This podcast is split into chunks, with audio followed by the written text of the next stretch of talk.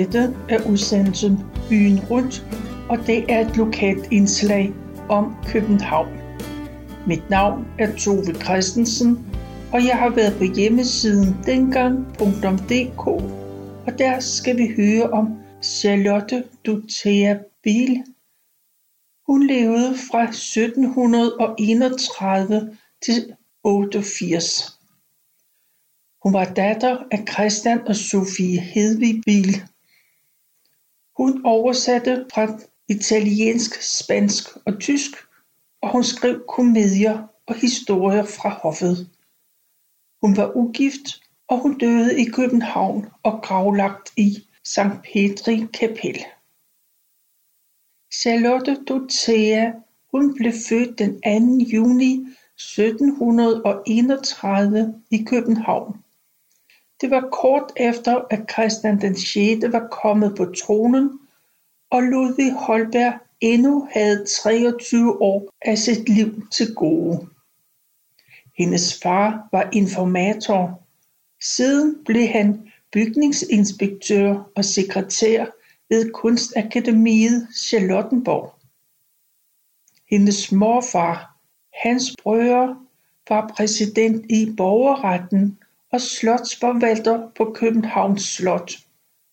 Hendes farfar, Claus Biel, var vintapper i Store Nikolajstræde, og her kom Holberg. Charlotte Dutea havde fra barn derfor mulighed for at høre både fra hoffet og fra levende kredse i hovedstaden. Selvom hun har skrevet, at hun færdes mellem ridder og embedsmænd, var det egentlig kun hendes morfar, der interesserede sig for hende. Han elskede hende. Egentlig skole kom hun ikke, men hos sin morfar lærte hun at læse og lærte sig respekt for bøger. Hun var særdeles godt begavet og tidlig moden. Da Charlotte Dothea var fem år, kunne hun læse tysk og dansk, og hun klemte på med læsningen, så meget at hendes morfar sagde, hvor meget vil du da lære, min tøs? Og hun svarede selvfølgelig, alting. Men da hun blev otte, var den første gyldne tid over. Hendes morfar døde, og hendes far var en anden skole. Han forbød hende at læse. Tanken om lærte fruentimmer var ham en pest. Hendes skæbne kom til at ligne Sille, hans datter, som Holberg havde digtet om. Pigen, der kom fra Æbeltoft, der skulle læse, men ikke måtte. Der var det nu mest moren, der strittede imod af dumhed, mens det hos Charlotte og Dorothea var faren, og det var ud fra et yderst konservativt idéer. Men når der siges, at hun var en tidstypisk pige, som samfundet ville forhindre i at komme frem, fordi hun var kvinde, så er det galt. Det var ikke omverdenen, det var hendes far. Hun fortalte, hvordan hun stjal sig til at læse, og hvordan hun fik ekstra brænde til ilden for at få lys til læsningen. Og hun fik blå mærker på anklerne, for de skjulte bøger, de daskede i hendes kjolefor. Og det blev en kamp mellem hende og faren. Ikke bare noget med tidsånd og tidens undertrykkelse, men imellem to lige stedige naturer. Da faren først havde låst de bøger inde, som han tog fra hende, blev det et princip, at han skulle adlydes. Han var husets hersker. Hans ord var lov. For ham var det vigtigere end det med læseriet. Men hun ville, hvad hun ville. Hun passede alt det huslige, hun skulle passe, men hun fik læst og læst. Tidens skolevæsen var for drenge, morsomt nok undtagen på landet, for Frederik den 4. rytterskoler var både for piger og drenge. I staderne og i København, der måtte pigerne undervises privat, og det blev kun få. Det er ikke bare morsomt, det er sandheden, man ser hos Holberg, når hans unge, forelskede borgerdøtre er naive, barnlige, uudviklede, hjælpeløse og komplet uvidende, mens Pernille kan klare ærterne, for hun har i hvert fald en praktisk livserfaring. Der siges ikke, at borgernes døtre var dumme. De havde bare, ud over det huslige og broderier, intet som helst lært. Der havde været og var lærte damer i Danmark, men i reglen var de adelige. De var ofte bogsamlere, og de var hverken foragtede eller set som latterlige, tvært imod, men de var sjældne. Charlotte Dorothea Biel, hun klarede sig selv frem på tværs af sin far. Men hun lavede ingen huslig revolution. Han var husherren, og det drømte hun ikke om at få ændret. Hun ville bare læse. Og så gik hun på tværs med et stykke til. Hun ville ikke lade sig tvinge til et ægteskab, og den chance, som hun selv øjnede, den tøvede hun for længe med. Hun blev aldrig gift. Hendes far truede bogstaveligt talt med at smide hende på porten. Han ville ikke i evighed forsørge hende, og hvordan ville hun gøre det selv uden en mand? Det spørgsmål var ikke helt hen i vejret, sådan som samfundet var bygget op, for det var ikke indrettet på, at en kvinde skulle forsørge sig selv, medmindre hun arvede, så kunne hun leve sorgfrit. Gennem sin barndom og ungdom havde Charlotte Dorothea ikke alene kendskab til hofkredset, hun var også inde ved teatret, og hun var begejstret for Holberg og for teatret. Hun var fortvivlet, til tider så meget at hun græd over den urimelige far. Samtidig så kom hun sammen med et teaterinteresseret i staden, uden at man klart kunne se, hvordan en ung pige kunne komme sammen med dem med så en hysterisk far. Og hun havde gjort sig dygtig i fransk. Hun snakkede med de franske skuespillere. Der savnes en overgang, men familien Biel flyttede i 1755 til en inspektørbolig ved Charlottenborg. Og her kom en lille privat skuespillige, der spillede komedie i inspektørboligen. Så smidig var faren dog, men ganske vist var hovedpersonen også den teaterinteresserede grev Konrad Daneskjold Laurvig. Charlotte Dorothea spillede en del hovedroller. Det blev til ret mange, for med et meget lille publikum til det private skuespilleri, så gik stykkerne ikke ret mange gange. Der var ellers stor interesse for teater i byen og en god viden om teaterlitteratur. Balancen til faren var svær, for nu var han bitter over, at der kom gæster i huset for hans skøre datters skyld, ikke for hans. Men hun kom godt i gang med at oversætte skuespil, og hendes venner så, at hun skrev et godt sprog. Hun fik en oversættelse, spillet rigtigt på teatret i 1762.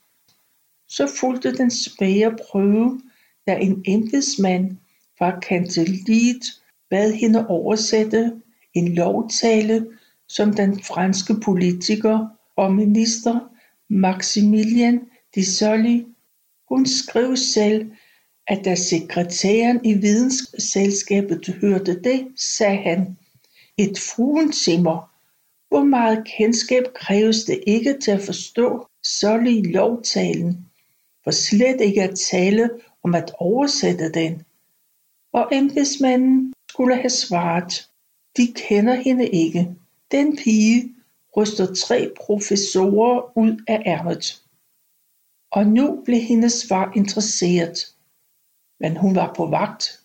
Alle mennesker, der får succes, oplever, at der kommer familier og venner rendende og flere til, men hun var for klog. Havde hun kæmpet sig frem, skulle ingen komme og nasse på hendes succes. Heller ikke selskabet til de skønne og nyttige videnskabsforfremmelse. De ville pludselig så gerne trykke hendes første originale komedie. For nu skrev hun komedier. Kunsten havde hun selvfølgelig lært af Holberg, men hun slog ham ikke ud som dansk komediedigter, og hendes stykker er nu kun kendt som litteraturhistorie, men de er nu ikke alle dårlige. Det er bare det, at alt hvad hun skrev, det måtte hun som en ung og dydig ugift pige nødvendigvis skrive rent teoretisk ædelt om kærlighed. Vellysten, som hun måske aldrig selv nåede frem til, den havde hendes foragt. Hun skrev mange stykker og fik så at sige intet for dem. Faste regler for honorar, det eksisterede ikke endnu. Men hun oversatte, hun digtede, og hun var almindeligt kendt og anerkendt. Hun fik en fejde med teaterchefen Hans Wilhelm von Bornstedt, og hun lod ham ikke dø i synden, for hun satte ham ind i sit forfatterskab på en temmelig skandaliserende manér. I øvrigt så må hun have været meget lærenem. Den italienske minister bad hende om at oversætte fra italiensk, og hun gjorde det. Og så bad den spanske gestand hende om at oversætte den satiriske ridderroman om Don Quixote fra spansk. Om hun kunne lidt spansk i forvejen, det kan ikke siges. Men han bad hende om det i 1775. Han hjalp hende lidt ind i det spanske sprog, og året efter så kom første del af romanen, og resten et år senere. Det blev en af hendes store bedrifter. Oversættelsen stod i flere menneskealder som den klassiske danske, og den blev udgivet flere gange, også fornyet, med hendes oversættelse som basis. Hun skrev også fortællinger og flere andre ting. Hun var flittig, men tjente stadig ikke alverden. Alligevel havde hun den triumf, at hun med sit skriveri kunne forsørge sin far, da han blev gammel. Men så skete der det store i hendes liv. Både hende selv og sladeren havde fablet om, at nu var hun vist ved at finde sig en mand. Hun var blevet overvægtig, og for at få lidt motion, så gik hun om morgenen hen og spiste frokost i kongens have, hvor der var servering i lysthusene. Der traf hun, da hun var 40 år gammel, en garderløjtnant, Johan Bülow. Han var en ung mand på 20 år og meget tilbageholdende og genert. Hun kom i snak med ham, og han lovede at ville besøge hende. Han var nok lidt desorienteret, men det blev til et venskab, der varede hele hendes liv. Hun var simpelthen forelsket i den unge mand, moderligt og ikke bevidst forelsket, mere betaget i en romantisk stil og platonisk. Han var til gengæld først beæret over den kendte skrivende dame, at hun interesserede sig for en ung mand. Senere satte han stor pris på hende og var vel også på en måde platonisk forelsket. Han sendte hende blomster og frugt, hun broderede til ham, og så skrev hun breve. Han blev ikke ved med at være ung garderløjtnant. Han blev lærer og vejleder for kronprins Frederik, den senere Frederik den 6. Han blev kammerjunker, og så steg han i graderne, særdeles højt, og blev ridder af elefanten. Men gennem mange år var han Charlotte Dorotheas trofaste ven. Han havde tit hørt hende fortælle om, hvad hun havde set og hørt fra hoffet og fra staden, fra alle de kredse, som hun havde haft og havde kontakt med. Og så bad han hende om at skrive det til ham i breve. Det var alt for frisk stof til, at man kunne tænke sig at lade det trykke i bogform, og meget af det var for intimt. Johan Bylov havde set, at det bedste ved hendes fortællinger var, at hun fortalte uden diskretion. Hun skrev om sin egen mening, om det hun havde set og hørt lige ud af posen. Det blev til en slags privat dansk personalhistorisk historieskrivning om konger og dronninger, om mennesker ved hoffet og om hvad der ellers kom for. Hun skrev om Frederik den 4. og hans vanskeligheder, og om Frederik den 5.s to dronninger og hans unge elskelige Katrine Hansen og hans vilde liv og druk. Hun fortalte om Juliane Marie, der stadig levede, og om Karoline Mathilde, om Christian den 7., om Struense og om hvordan tragedien udviklede sig. Og så oplevede de begge to fortsættelsen med Høg Guldbergs styre. Og ham var hun lidt bitter på, for hun fik sin lille pension højst uregelmæssigt. Og så kom kronprins Frederiks statskup i 1784, da han med en lille klike af reformfolk sat bag sig tog magten fra enkedronningen Juliane Marie, fra arveprins Frederik og fra Gudberg. Bag det kup stod i høj grad Johan Bülow. Kronprinsen havde klaret sin del mesterligt, selvom han kun var en frisk konfirmant. Men så fik Bülow en idé, som kun få aktive personer i dansk historie har fået. Charlotte Dorothea Biel hun skulle skrive om kuppets historie, frisk som det lige var sket. Det skulle ikke være sladder, men solidt og i sit gode, klare sprog. Han fik kronprinsen med på ideen og skaffede hende alle oplysninger og papirer. Og så skrev hun historien, den var set af de sejrende, men var dog nøjternt og naturligvis til arkivet, for heller ikke den historie lå sig trykke. Blandt andet var det jo tydeligt, at den stakkels syge konge havde spillet en ret lille rolle, selvom han sikkert var langt mere klar over, hvad der skete, end man siden har haft brug for at huske.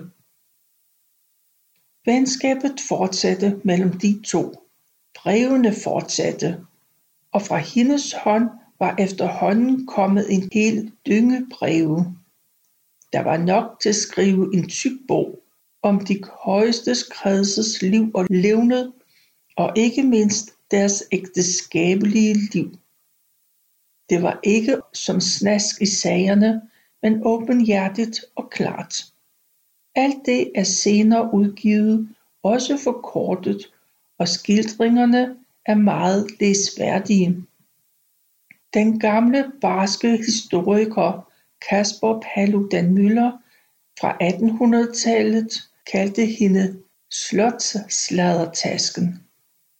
Helt galt er det nok ikke, men temmelig meget af, hvad vi kalder historier, hviler jo på sladder så kan formen være mere eller mindre poleret. Senere historikere har fundet frem til, at det hun fortalte var pålideligt nok. Det var så ny en historie, at hun var part i sagen. Charlotte Dorothea afskyede Juliane Marie, og det har farvet hendes skildring. men hun var aldrig ufin og aldrig perfid. Hun solgte ikke sine personer for effektens skyld. At hun havde temperament, også i skriveriet, var en anden sag. Hun sluttede sit egentlige skriveri med en lille selvbiografi, som hun kaldte Mit ubetydelige levnedsløb. Titlen var i tidens smukt beskrivende stil og skulle ikke tages alvorligt. Hun har aldeles ikke regnet sig selv for at være ubetydelig, og det var hun heller ikke. Derimod blev hendes senere år triste. Hun er svært ved at klare økonomien, for det var dengang som det er nu. I et lille land som Danmark med et lille publikum kan man nok leve af at skrive, men så skal der også skrives. Hun var sygelig, måske mere af nerver og triste tanker end af egentlig sygdom. Og så i 1785 så giftede hendes elskede Johan Bülow sig med Else Marie Hoppe. Og Charlotte Dorothea havde grund til at føle sig krænket, at han ægtede en pige, der så vidt vides var ubegavet og dværgagtigt. Men hun var meget rig. Johan Bylov tog det sælsomme ægteskab i stiv arm.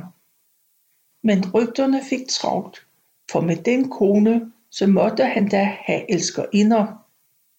Det gjorde Charlotte Dorothea dybt mistrøstig. Det ser man af brevene.